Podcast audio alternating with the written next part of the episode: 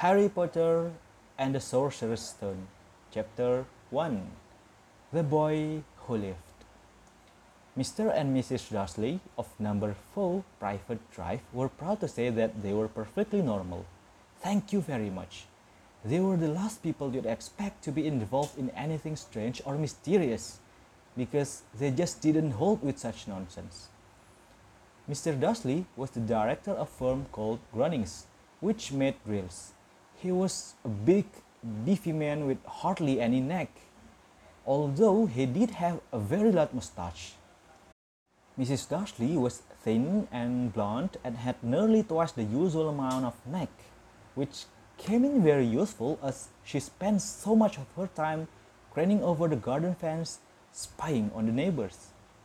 The Dursleys had a small son called Dudley, and in their opinion, there was no finer boy anywhere.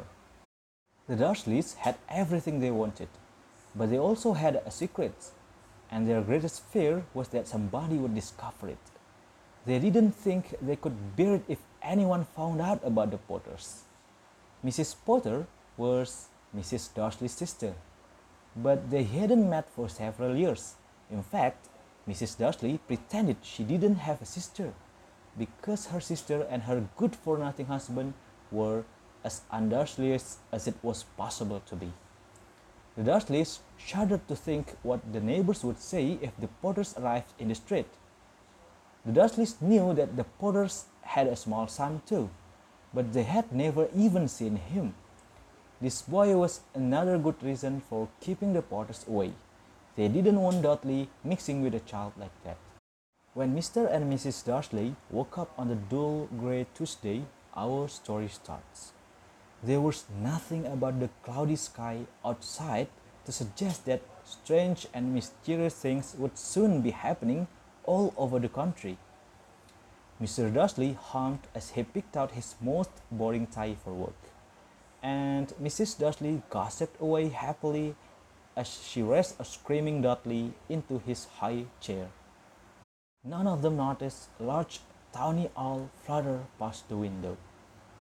At half past eight, Mr. Dursley picked up his briefcase, pecked Mrs. Dursley on the cheek, and tried to kiss Dudley goodbye, but missed.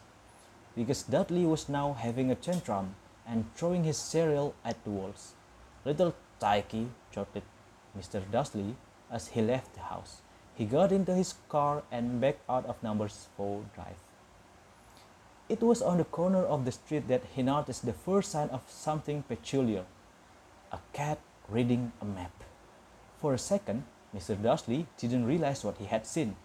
Then he jerked his head around to look again.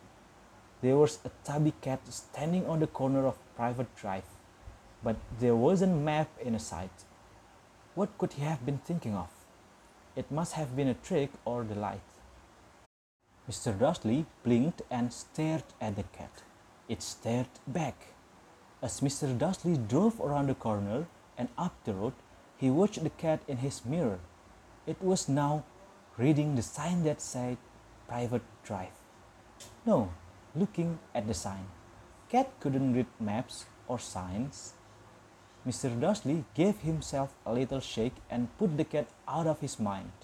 As he drove toward town, he thought of nothing except a large order of drills he was hoping to get that day. But on the edge of town, drills were driven out of his mind by something else. As he sat in the usual morning traffic jam, he couldn't help noticing that there seemed to be a lot of strangely dressed people about. People in cloaks. Mr. Dursley couldn't bear people who dressed in funny clothes. The get-ups you saw on young people, he supposed this was some stupid new fashion. He drummed his fingers on the steering wheel and his eyes fell on the huddle of these weirdos standing quite close by. They were whispering excitedly together. Mr. Dursley was enraged to see that a couple of them weren't young at all. Why? That man had to be older than he was, and wearing an emerald green cloak. The nerve of him! But then it struck Mr. Dursley that this was probably some silly stunt. Yes, these people were obviously collecting for something.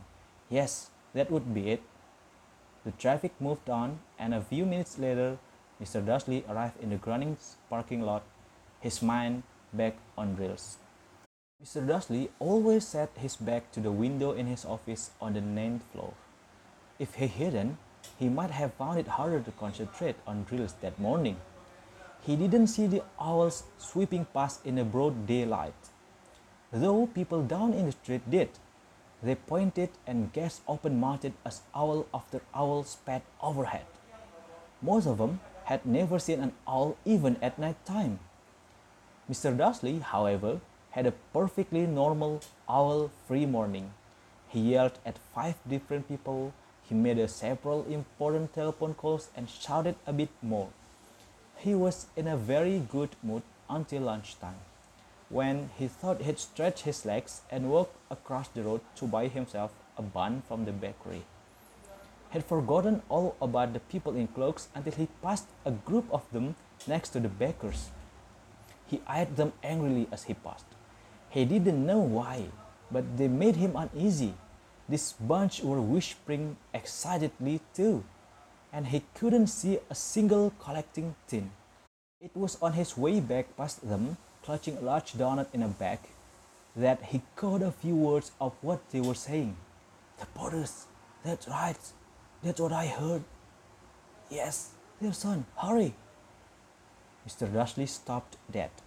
Fear flooded him. He looked back at the whisperers as if he wanted to say something to them, but though better of it.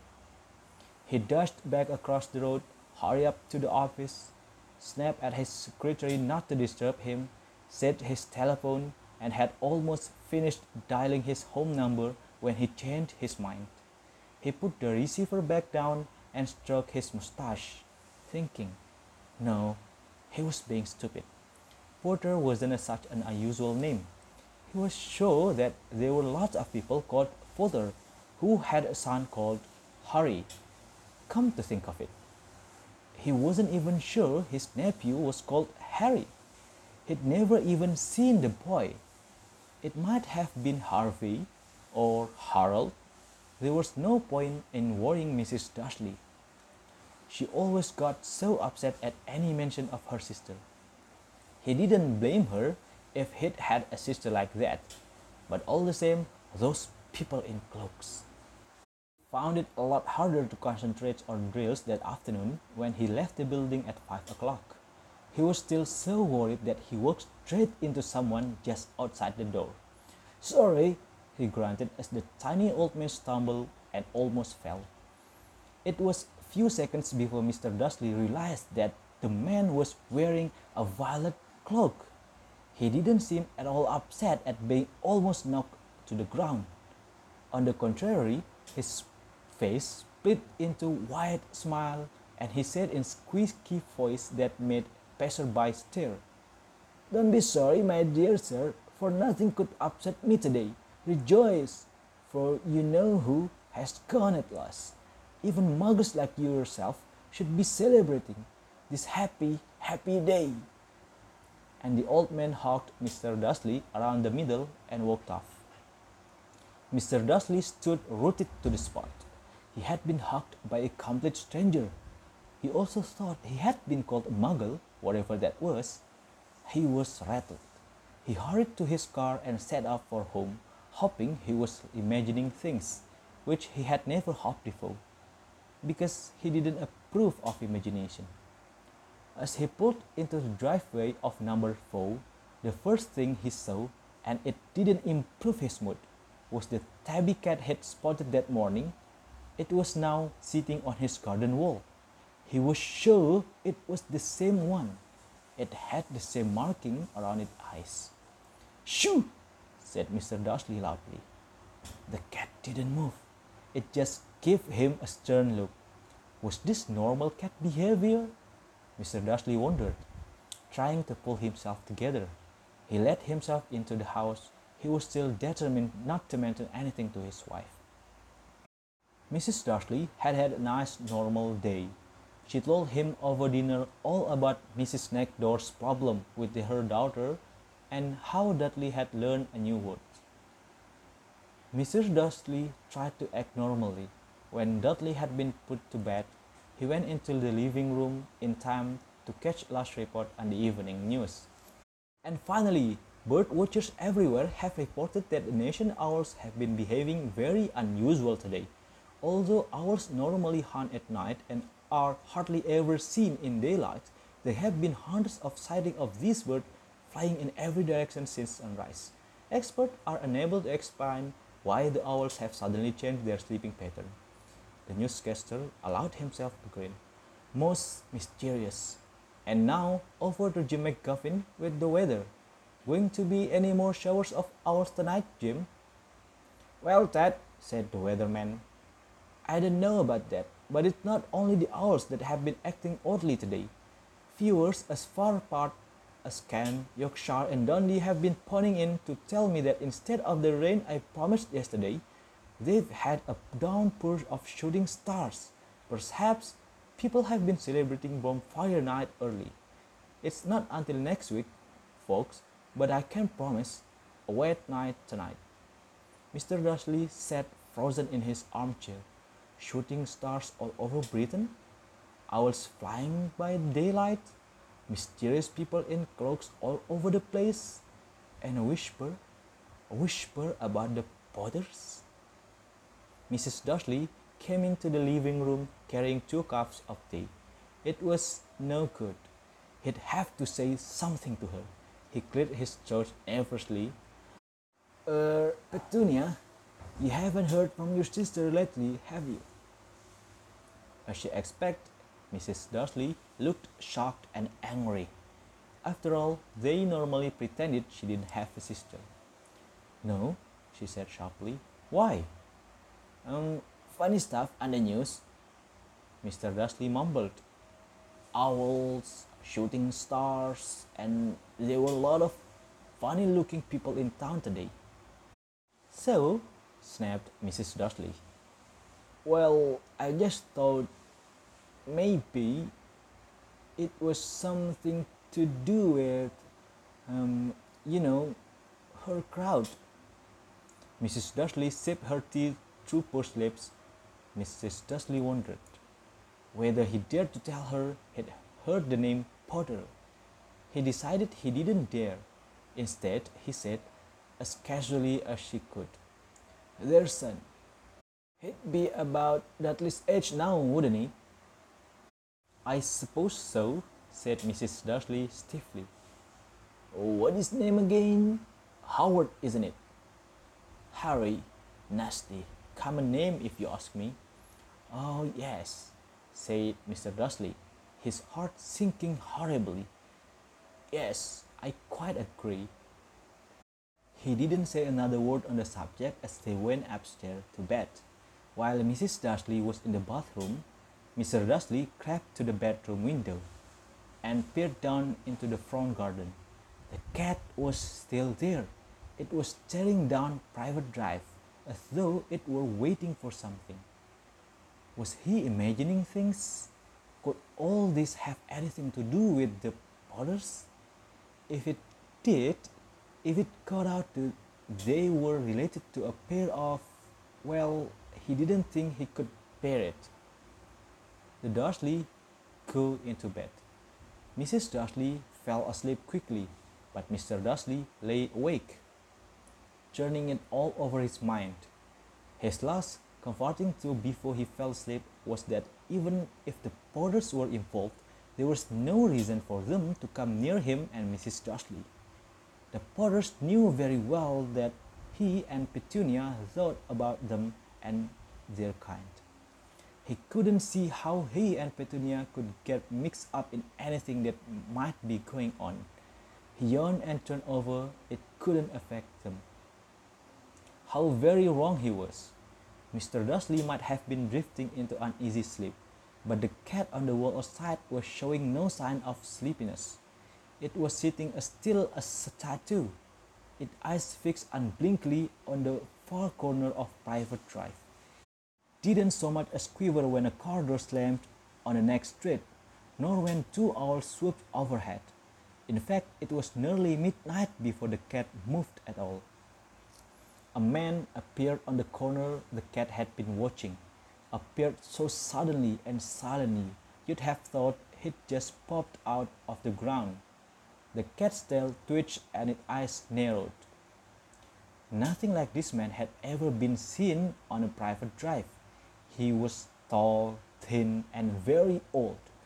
Judging by the silver of his hair and beard, which were both long enough to tuck into his belt, he was wearing long robes or purple cloak that swept the ground, and high-heeled, buckled boots.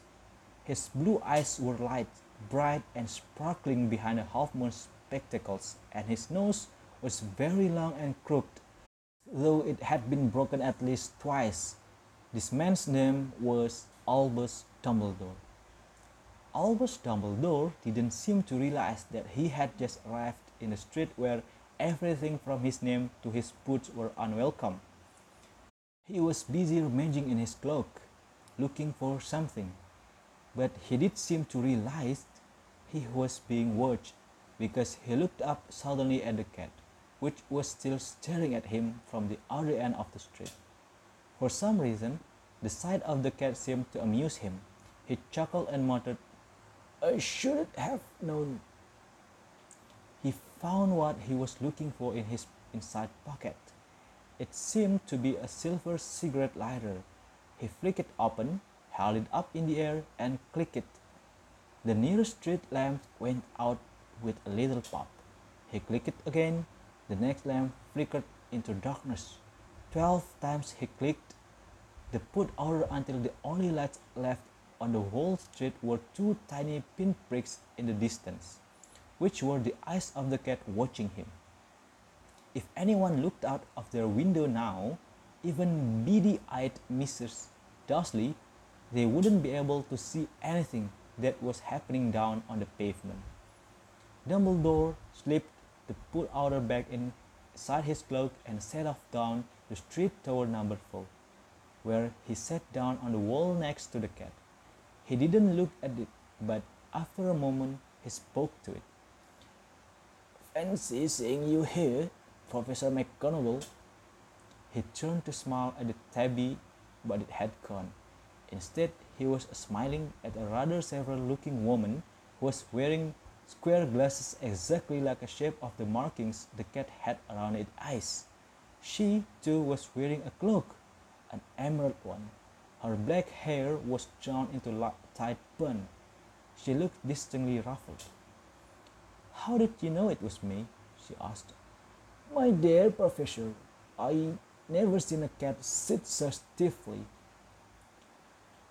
You'd be stiff if you had been sitting on a brick wall all day, said Professor McGonagall. All day? When you could have been celebrating, it must have passed dozen feasts and parties on my way here. Professor McGonagall sniffed angrily. Oh, yes, everyone's celebrating. All right, she said impatiently. You'd think that be a bit more careful, but no. Even the muggles have noticed something's going on. It was on their news.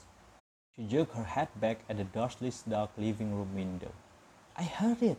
Flocks of owls shooting stars. Well, they're not completely stupid. You're bound to notice something. Shooting stars down in Kent. I'll bet that was the Dedalus Diggle. He never had much sense. You cannot blame them, said Dumbledore gently. We've had precious little to celebrate for eleven years. I know that, said Professor McGonagall irritably. But that's no reason to lose our heads. People are being downright careless. Out on the streets in broad daylight, not even dressed in a muggle clothes, swapping rumors. She threw a sharp sideway glance at Dumbledore here, as though hoping he was going to tell her something, but he didn't. So she went on. Fine thing it would be if, on the very day you know who seems to have disappeared at last, the muggle found out about us all. I suppose he really has gone, Dumbledore. It certainly seems so, said Dumbledore. We have much to be thankful for. What you care, for, Lemon Drop? A what? A lemon drop. They're kind of muggle sweet I'm rather fond of. No, thank you, said Professor McGonagall coldly, as though she didn't think that this was the moment for lemon drops. As I say, even if you know who has gone, my dear professor, surely a sensible person like yourself can call him by his name. All this you know who nonsense for 11 years I have been trying to persuade people to call him by his proper name, Voldemort. Professor McGonagall flinched, but Dumbledore, who was unsticking two lemon drops, seemed to not notice. It all gets so confusing if we keep saying you know who. I have never seen any reason to be frightened of saying Voldemort's name.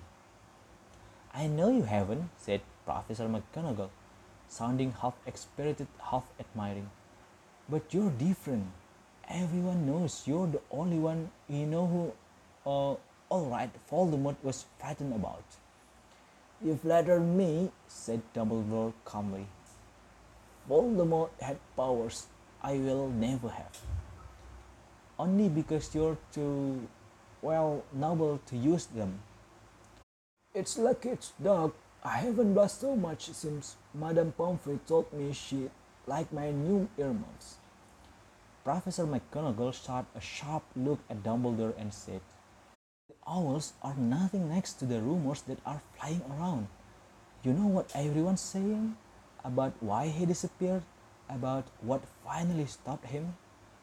It seemed that Professor McGonagall had reached the point she was most anxious to discuss.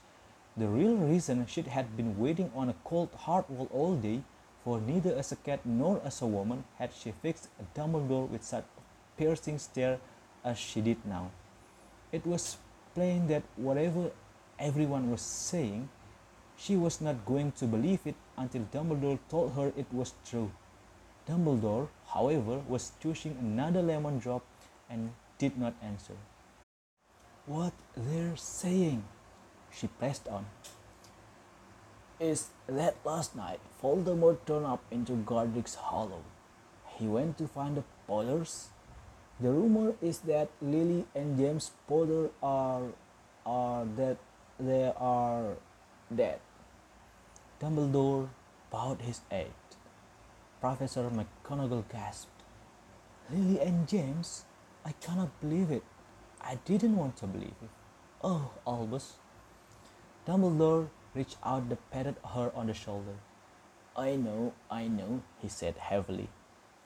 Professor McGonagall's voice trembled as she went on. That's not at all. They're saying he tried to kill the Potter's son's Harry but he couldn't. He couldn't kill that little boy.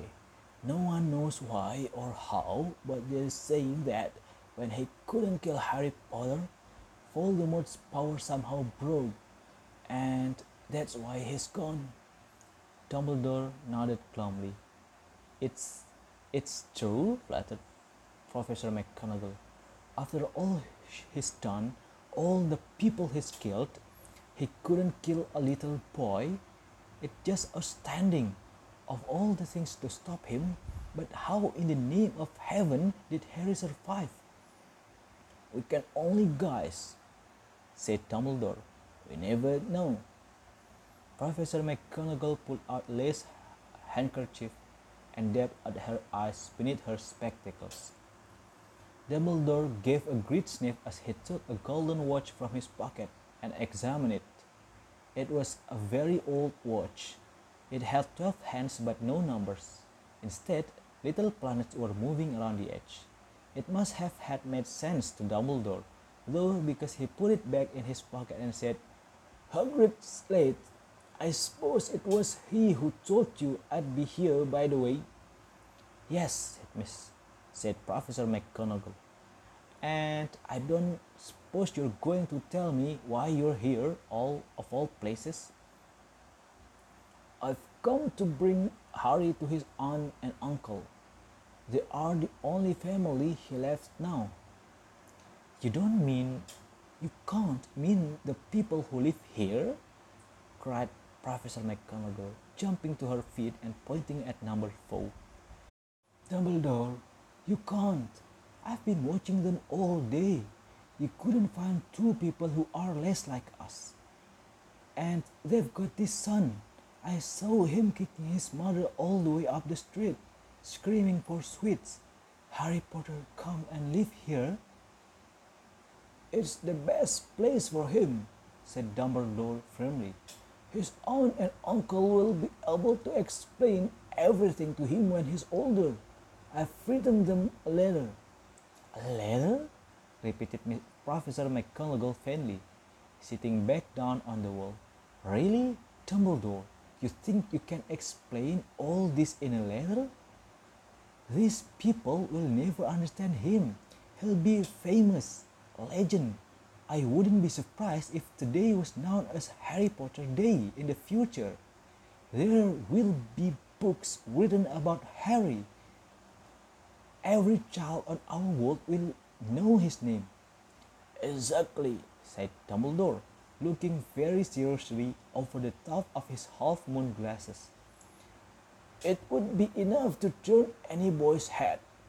Famous before he can walk and talk. Famous for something he won't even remember. Can you see how much better off he'll be growing up away from all that until he's ready to take it? Professor McGonagall opened her mouth, changed her mind, swallowed, and then said, Yes, yes, you're right, of course. But how is the boy getting here, Dumbledore? She eyed his cloak suddenly as though she had thought he might be hiding Harry underneath it. Hagrid's bringing him.